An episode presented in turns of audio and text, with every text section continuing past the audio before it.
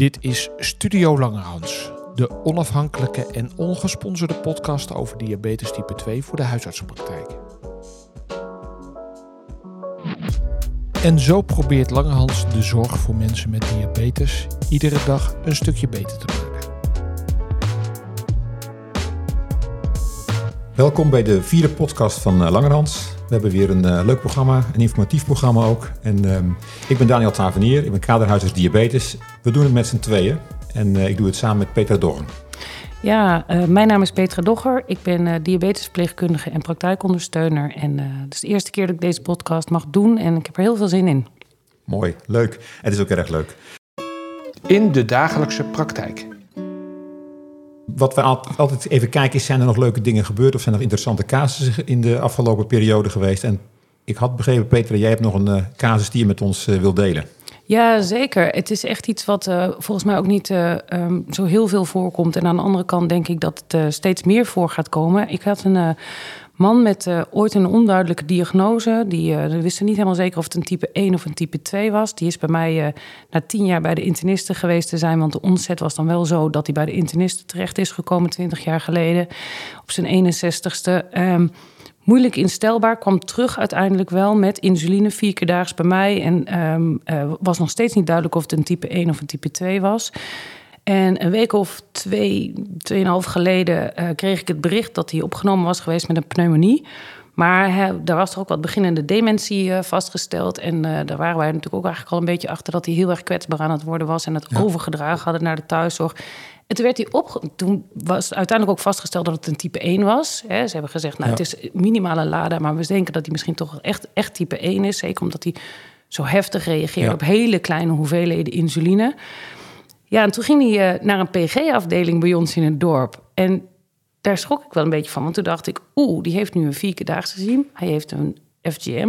Uh, het is voor mij in ieder geval de eerste type 1... die ik echt zeg maar, op zo'n hoge leeftijd naar een uh, verpleeghuis uh, doe. En wat eigenlijk betekent, en dat is natuurlijk een beetje gewoon de regelgeving... hij valt niet meer onder ons. Wij zorgen niet meer voor deze man. Terwijl wij zitten daar natuurlijk in de praktijk ondertussen best heel goed in... Hè, met die FGM en ook vierkedaags insuline... Dus ik dacht, uh, laat ik me van mijn beste kant laten zien. Laat ik het, de, de afdeling De Willig eens even bellen. Heet echt De Willig, de Willig. En die zeiden, type 1, we hebben nog nooit een type 1 gezien. En ik denk dat dat ook echt zo is. En die hadden echt iets van, oh, wat heeft hij? Wil je even komen? Wil je het uitleggen? Dus dat heb ik wel gedaan. Ik ben daar naartoe gegaan en ik heb die FGM een beetje kort uitgelegd aan het personeel daar. In ieder geval degene die over hem de zorg coördineren heel schema. Het schema was al heel strak. En um, nou ja, het bleek uiteindelijk toch nog wel heel ingewikkeld. Want de eerste beste nacht daarna hebben ze meteen de huisartsenpost gebeld. Maar die eigenlijk niet. Nou, ze hadden natuurlijk de verpleeghuisarts moeten bellen, maar ze belden met de huisartsenpost. Die hebben bij een hele hoge suiker de 246-regel. Die man meteen in een hypo gespoten, want die kreeg geen 246-regel natuurlijk. Dus het was wel een. een, een het, het, is wel iets waarvan ik dacht, ja, dat gaat natuurlijk steeds vaker voorkomen. En ja, hoe ga, hoe ga je dat dan borgen? Hè? Bij oudere type 1 diabetes. Ja, je hebt eigenlijk misschien wel een dubbel probleem. Want hadden ze op zich wel bekendheid met diabetespatiënten of dat ook niet eens? Jawel, jawel, dat denk ik wel. En ook wel met insuline natuurlijk. En dat kunnen ze ook wel, maar wel heel bazaal pragmatisch. Hebben natuurlijk ook wel geleerd uit de scholingen die wij wel gegeven hebben aan die grote groep verzorgenden. Dat ze, ja, die zitten eigenlijk te schreeuwen om, uh, om, om, om, informatie. Ja. En het blijft denk ik voor hun ook wel een heel lastig ding. Maar wat natuurlijk nog wel echt een punt van aandacht is, is deze man gaat natuurlijk steeds kwetsbaarder worden. Die gaat steeds verder, die, die zal niet vooruit gaan, maar achteruit gaan. En dan zit je natuurlijk wel dat zij misschien in de, in de palliatieve fase natuurlijk gewend zijn aan type 2 diabetes, waar het allemaal niet zo nauw komt en je prima die insuline rustig wat sneller kan afbouwen en uh, daarmee kan stoppen. Maar als je dat bij deze manier doet, dan, dan, dan help je meteen de dood in. En dat is misschien niet helemaal de bedoeling in ja. het uh, begin van een palliatieve fase in ieder geval. Dan zie je gelijk met een ketoacidose. Maar je zou natuurlijk, als zolang je natuurlijk maar langwerkend geeft, kom je natuurlijk ja. uit. Dan, ja. dan, dan, heb je dat niet. Jij bent niet strak ingesteld. Dat zal misschien voor die meneer wel vervelend zijn. Maar aan de andere kant, ik begrijp dat hij op een PG-afdeling zit. Dus misschien hecht hij niet meer zo aan zijn... Nee, maar hij moet niet helemaal niks krijgen. Nee, dat is, dat is, dat is eigenlijk Precies, het probleem. Dat is en dat is natuurlijk wel de neiging die we hebben. Stop er maar mee Ja. Maar dan moeten ze zich goed realiseren dat als je er bij een type 1 doet, dat dat het einde van die meneer gaat betekenen. En daar kun je in een heel eindstadium, laatste uren misschien wel uh, prima vrede mee hebben. Maar dat moet je in het begin natuurlijk niet doen. Dus uh, nou, ik denk, uh, ik heb ze aangeboden dat ze altijd contact op mogen nemen met de praktijk. En dat, dat we er zijn. En de verpleegkundige specialist is ondertussen al terug geweest bij mij met een aantal vragen. En prima, dat, volgens mij moet je het ook zo doen. En dan ben jij natuurlijk diabetesverpleegkundige. Veel praktijkondersteuners zijn dat niet. Dus het is op zich wel een belangrijk punt om je te realiseren dat als je dit niet helemaal in de vingers hebt, dat je ook terug gaat vallen misschien op een lokale diabetesverpleegkundige. Zeker. Uh, Want dit, is, dit kan gewoon heel lastig zijn. Je had volgens mij nog een ander uh, punt waar je, waar, je, waar je tegenaan was gelopen, je had wat gelezen. Ja, ik, uh, um, um, omdat ik diabetesverpleegkundige ben en uh, lid van de VNV en diabeteszorg, krijg ik de Diabetes Pro ook. Dat is een groot blad wat geleverd wordt, vooral voor diabetesverpleegkundigen, maar ik denk uiteindelijk ook misschien wel door POH's in het land. En vorig jaar, aan het eind van het jaar, was het thema de diabetestypering. En er werd natuurlijk uitgebreid aandacht besteed aan het gedachtegoed van Alquist. Maar daarna stond er eigenlijk een artikel wat mij veel meer triggerde. Want dat was namelijk, laten we Modi niet vergeten. En ik dacht, Modi, oké. Dus ik heb dat artikel gelezen van uh, Il Ilko Koning werd daar natuurlijk gevraagd. En uh, toen dacht ik bij mezelf... Er stond dus inderdaad, het komt best vaak voor. Je moet het op je netvlies houden enzovoort. Modi's, ik heb nog nooit een Modi gezien. En ik, ik, ik heb teruggedacht, ik denk, wie zou er bij mij in de praktijk een Modi kunnen geweest zijn? Heb ik die dan gemist? Ik heb, ik, ik, ik ken geen modi's. Nee, nou, ik deel die ervaring. Ik heb nog eens in de, in de praktijk rondgevraagd van... Uh, hebben, jullie, hebben wij ook nog een modi in ons bestand zitten? Maar ook daar niet. Nee. Terwijl als je statistisch kijkt, zouden we ze moeten hebben. Absoluut. Ja, en... Um, dus nou, ik denk dat het interessant is. MODI staat overigens voor Maturity Onset Diabetes of the Young. Um, uh, ik denk het interessant is om daar iets meer over te weten. En ja. Dus ik stel voor dat we Eelco de Koning erover bellen. Eelco de Koning is uh, hoogleraar diabetologie aan, de, aan het Leids Universitair Medisch Centrum. Hij is hoofd van de diabetesafdeling daar in het LUMC en hij coördineert ook onder andere het eilandjestransplantatieprogramma. Ja. En hij is expert op het gebied van de MODI. Uh, er is ook een nationaal expertisecentrum wat in Leiden is gevestigd. Daar is hij het hoofd van. Dus ik denk dat hij de man is om eens hier wat om wat vragen over te stellen en te horen hoe dat, eh, hoe dat zit. Ja, zeker. Leuk. Bellen met een diabetes-expert. Goedemiddag.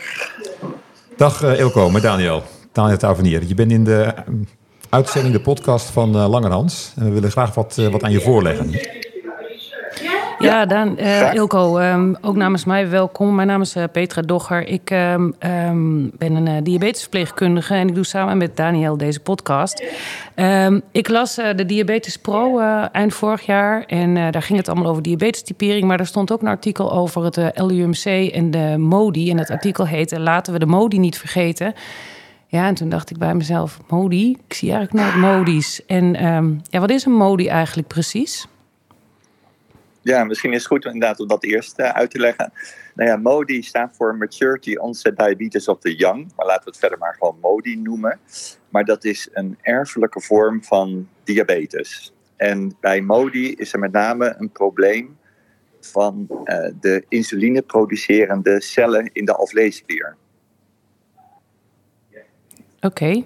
En um, ja, hoe, hoe, moeten wij deze mensen op het spoor komen? Is, want ik zie ze dus voor mijn gevoel niet, maar ze zijn er dus kennelijk wel. Hoe vaak komen ze eigenlijk voor?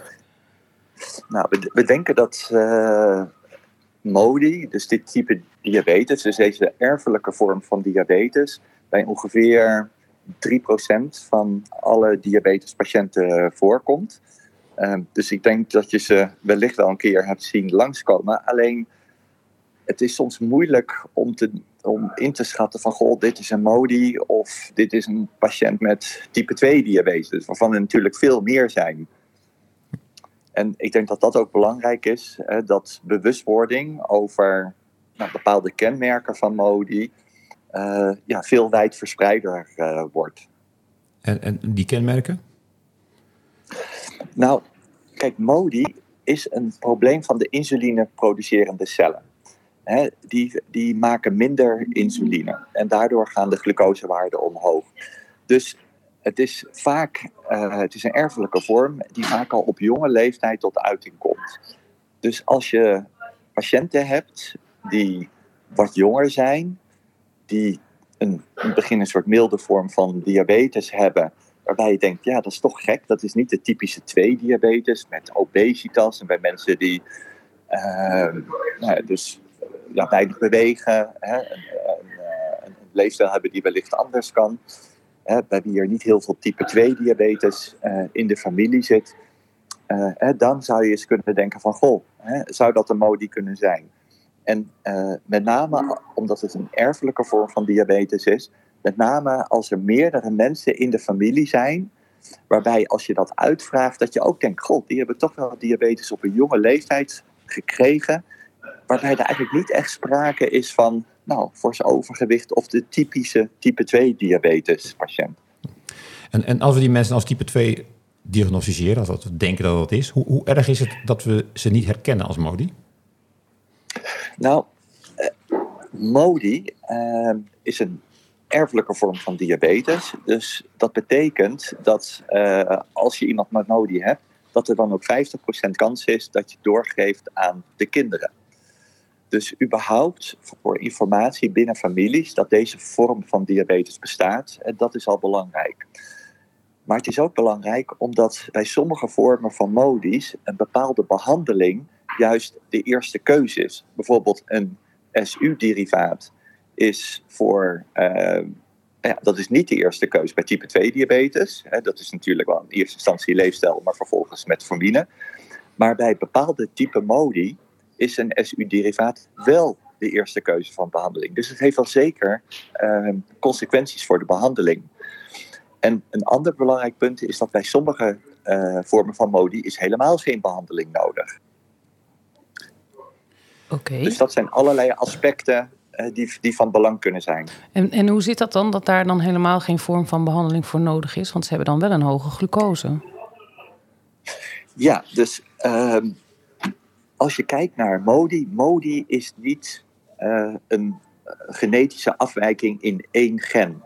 Maar er zijn verschillende genen betrokken bij MODI en daardoor heb je ook verschillende vormen.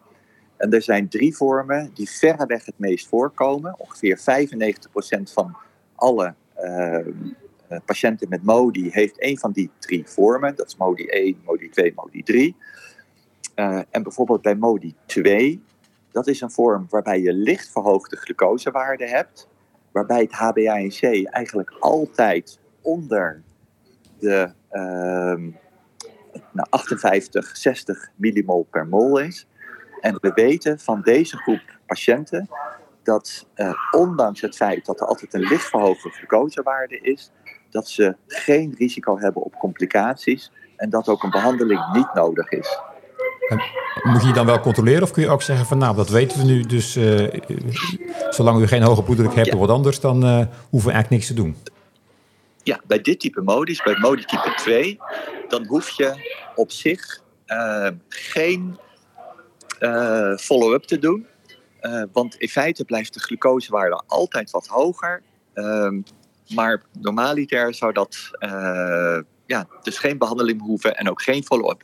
Het enige waar je altijd voor moet uitkijken, en dat zeggen wij ook altijd tegen de huisarts als we mensen terugverwijzen, is dat natuurlijk type 2 diabetes heel veel voorkomt in de in de populatie. Dus het, dat het altijd kan zijn dat een patiënt die MODI type 2 heeft, daar overheen ook nog eens type 2 diabetes krijgt. Ja. Dus als je op een gegeven moment glucose verder ziet oplopen en echt de HbA1c ook ziet oplopen tot nou ja, boven de 64, ja, dan weet je dat er dan ook andere factoren een rol gaan spelen. Maar, en dat je die patiënt eigenlijk als een type 2 diabetes patiënt moet behandelen.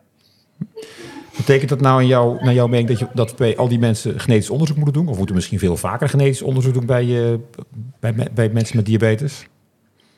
Nou, ik denk dat in eerste instantie heel belangrijk is dat uh, er meer bewustwording is. He, dus dat je toch bij, goed bij je patiënten kijkt en dat je denkt van ja, er zijn toch bepaalde patiënten in mijn praktijk. Dat is toch niet de typische type 2 diabetes patiënt. Hè? En dat je daar dan nou, wellicht nog eens wat, wat dieper op de familieanamnese uh, ingaat. Nog eens, op, he, nog eens terugkijkt naar de diagnose. Op welke leeftijd was dat nou?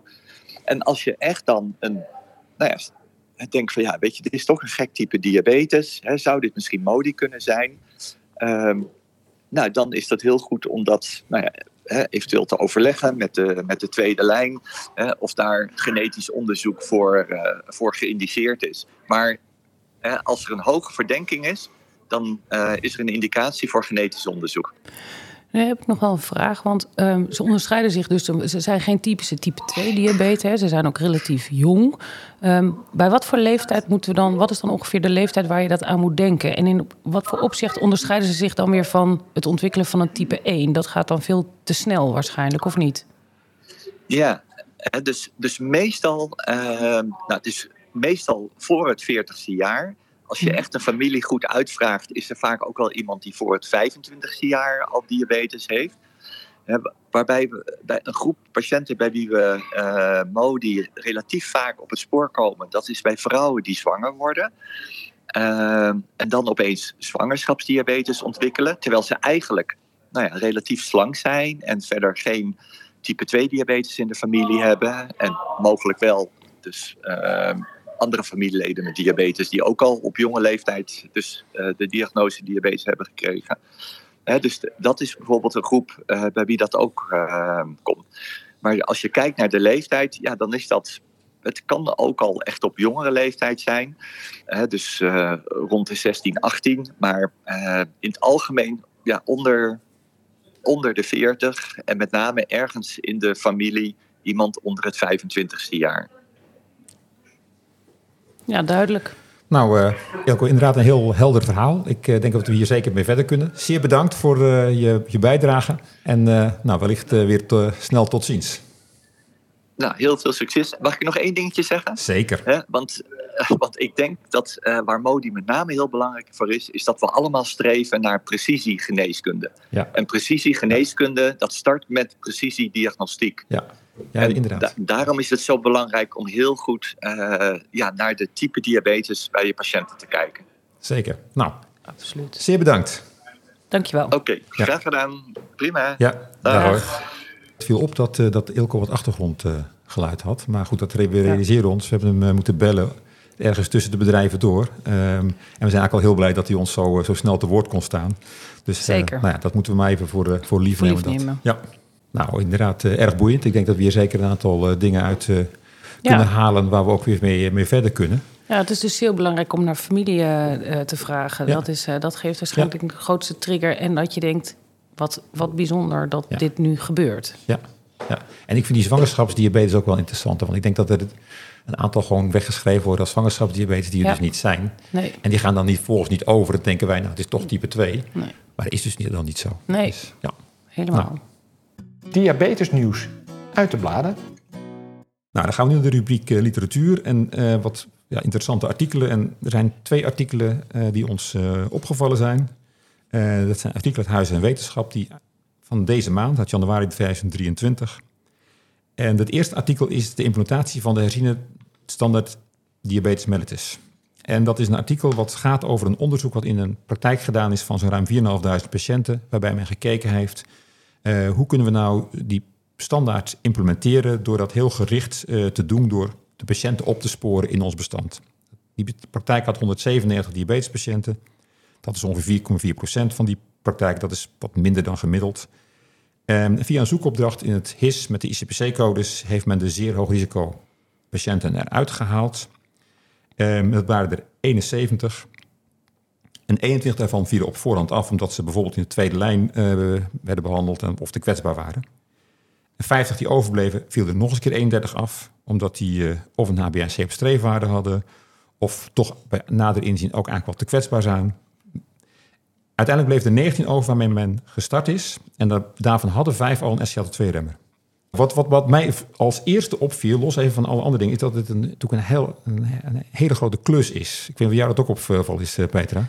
Ja, ik, volgens mij uh, stond er in het artikel dat het uh, zo'n 13 uur had uh, gekost, ja. al met al om dit uit te voeren. En daar kreeg ik meteen mijn vraagtekens bij. Want ja, ik dacht, die implementatie van die NRG-standaard, volgens mij is er erg op gehamerd vanuit de DIAG en vanuit het NRG en ook bij ons in de scholingen.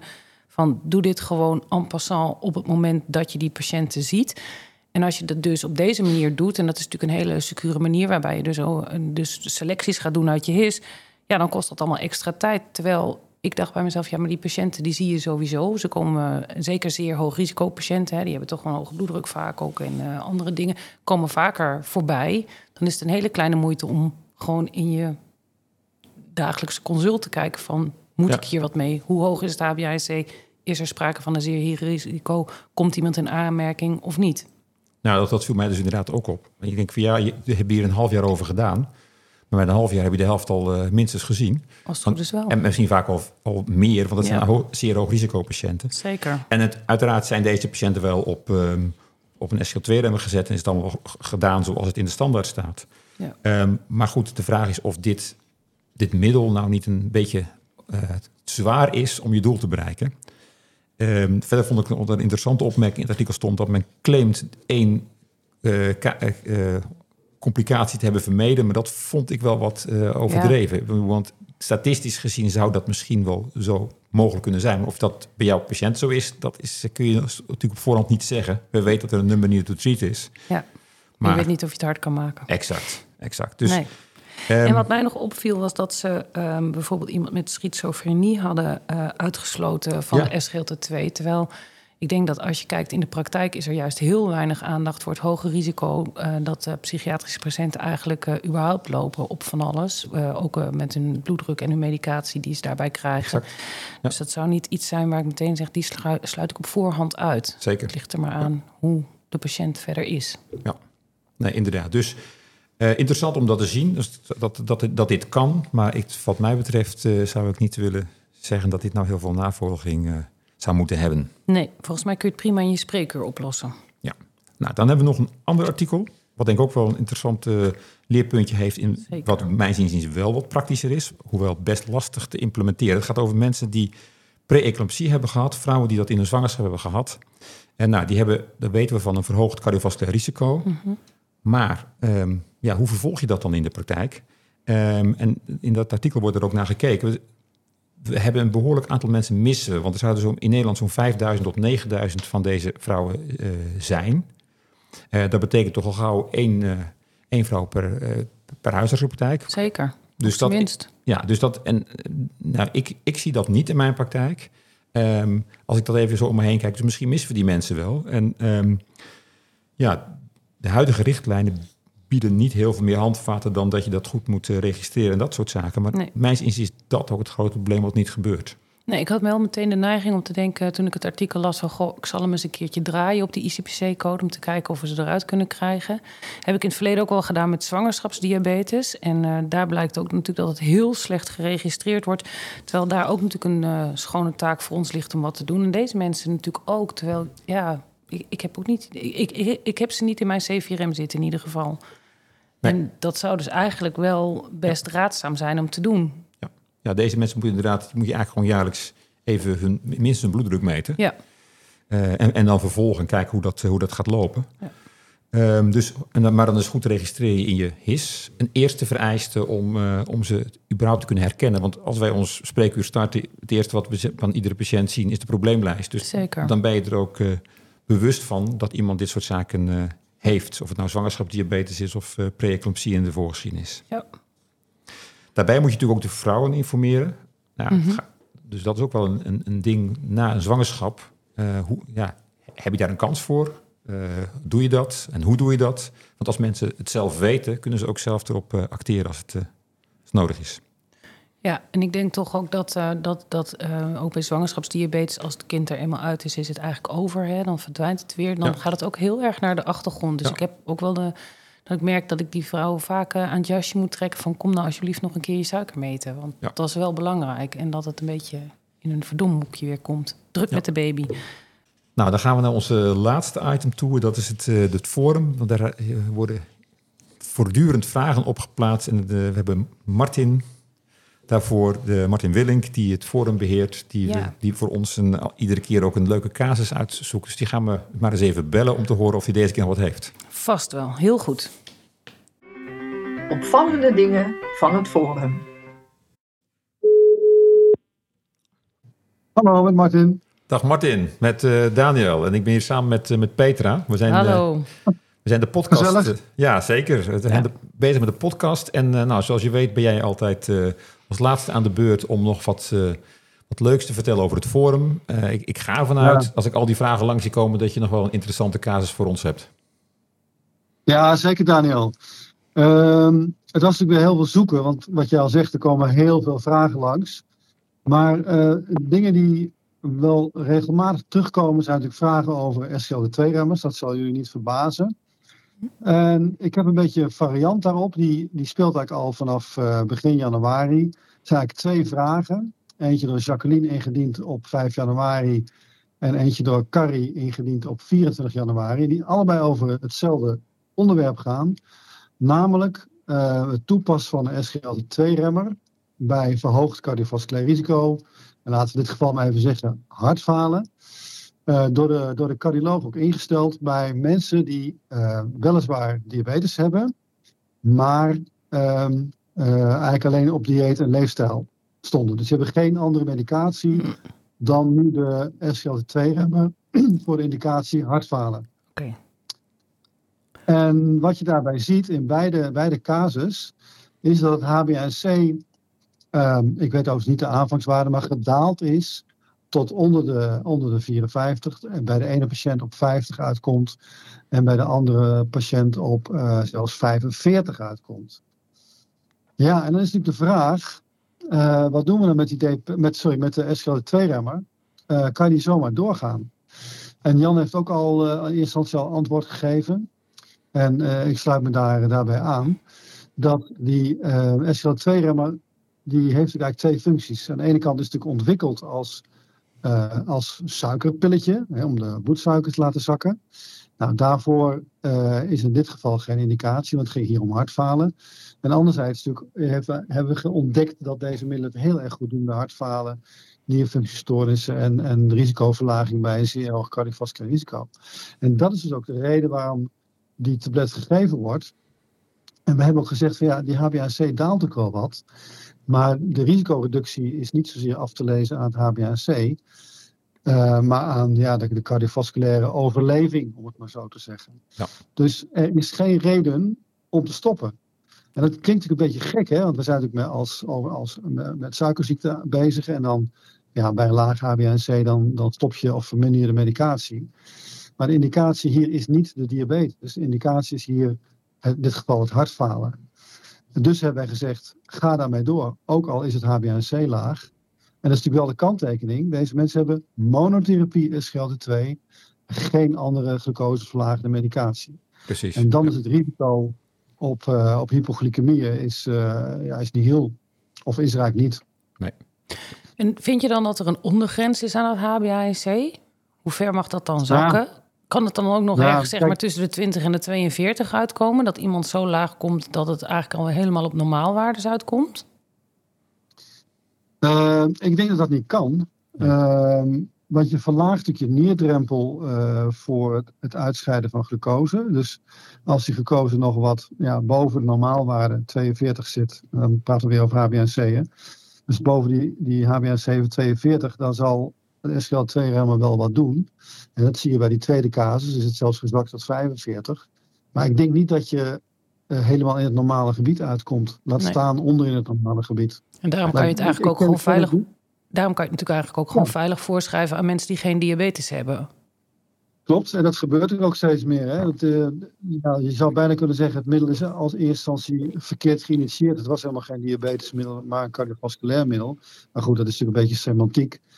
Ja. Uh, maar in monotherapie geeft het geen hypoglycemie. En het geeft wel uh, cardiovasculaire voordelen. Vandaar dat die cardiologen er ook zo blij mee zijn. Ja. ja. En dan is het vooral uh, natuurlijk de SU's en de insulines die je aan moet passen op het moment dat, het, uh, dat die er eventueel naast gegeven zijn en dan je HbA1c zakt. Hè? Want dat zijn natuurlijk ja. de hypogevoelige middelen. Exact, exact. Kijk, zouden het mensen zijn die ook andere medicatie uh, zouden hebben, mm -hmm. dan was het een ander verhaal. Hè? Dan moet je dat inderdaad wel af gaan bouwen. Uh, maar inderdaad, uh, ja, deze mensen hadden geen SU en geen, uh, geen insuline, dus geen gevaar voor hypoglycemie. Ja, maar ik denk ook dat je DP4 en dat soort middelen ook moet, moet stoppen dan als het zo laag zakt, want dat heeft dan geen toegevoegde waarde meer. Kun je zelfs de metformine afbouwen. Ja, ja in principe wel. Ja. Ja. ja. Nou, dit waren echt, echt mensen die weliswaar diabetes hadden, maar nogmaals alleen op, uh, op lifestyle zaten. zaten. Um, en daarbij dus een SGL2 op cardiovasculaire gronden toegevoegd. En verder geen uh, glucoseverlagende medicatie hadden. Nee. Nou, Gewoon behouden is de conclusie. Martin, zeer bedankt. Ja. Tot, de volgende, tot de volgende keer weer. Tot de volgende keer. Ja. Goedjes. Dag hoor. Dag. Ja, we moeten er toch nog even aan wennen dat we middelen hebben die ook die wel diabetesmiddelen zijn, maar ook buiten diabetes worden gebruikt. Ja, is toch, en ik uh, denk dat iedereen daar een beetje aan moet wennen. Ja. Dat is, uh, ja, en het vraagt toch een bepaalde alertheid in de praktijk ook, ja. hè? Ja. Op allerlei vlakken. Ja. Zeker. En het, ook bij BSL2 natuurlijk met name ook weer, omdat het ook weer andere consequenties heeft bij mensen die wat gaan dehydreren of wat ook, dat je dan vooral goed moet opletten. Zeker. Nou, ik vond het een, uh, alles bij elkaar een hele leuke en uh, ik denk leerzame ka casuïstiek en ook bespreking van andere dingen. Dus Zeker. qua podcast is er denk ik weer genoeg Dingen om je mee te nemen naar de Zeker. praktijk. Zeker. Modisch op ons netvlies. Ja. Nou. Pre-eclampsie. Peter, heel bedankt. Vond het erg leuk samen zo. Ik ook. Uh, ik, uh, jij gaat er volgens mij nu uit uit het setje. En uh, volgende keer mag ik nog een keer. En dan samen met Bas. En het onderwerp ligt nog niet vast. Ik ben benieuwd waar het over gaat. Misschien wel over onze nieuwe chronische nierschade scheurblok. Wie weet. Heel goed. Nou, bedankt. Dankjewel. En dan nog even dit. Wil je je kennis over diabetes bijhouden of oplussen en ben je werkzaam als huisarts of praktijkondersteuner of verpleegkundige? Dan ben je bij ons aan het goede adres. Langerhans verzorgt bijna dagelijkse nascholingen over diabetes voor de eerste lijn. Daarnaast hebben we een boekenreeks die het werk in de dagelijkse praktijk ondersteunt en makkelijker maakt. We zijn altijd bereikbaar via onze website diabetes2.nl.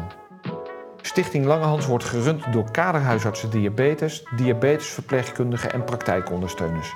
En Langehans werkt nauw samen met de DIHAG en het Nederlands Huisartsengenootschap.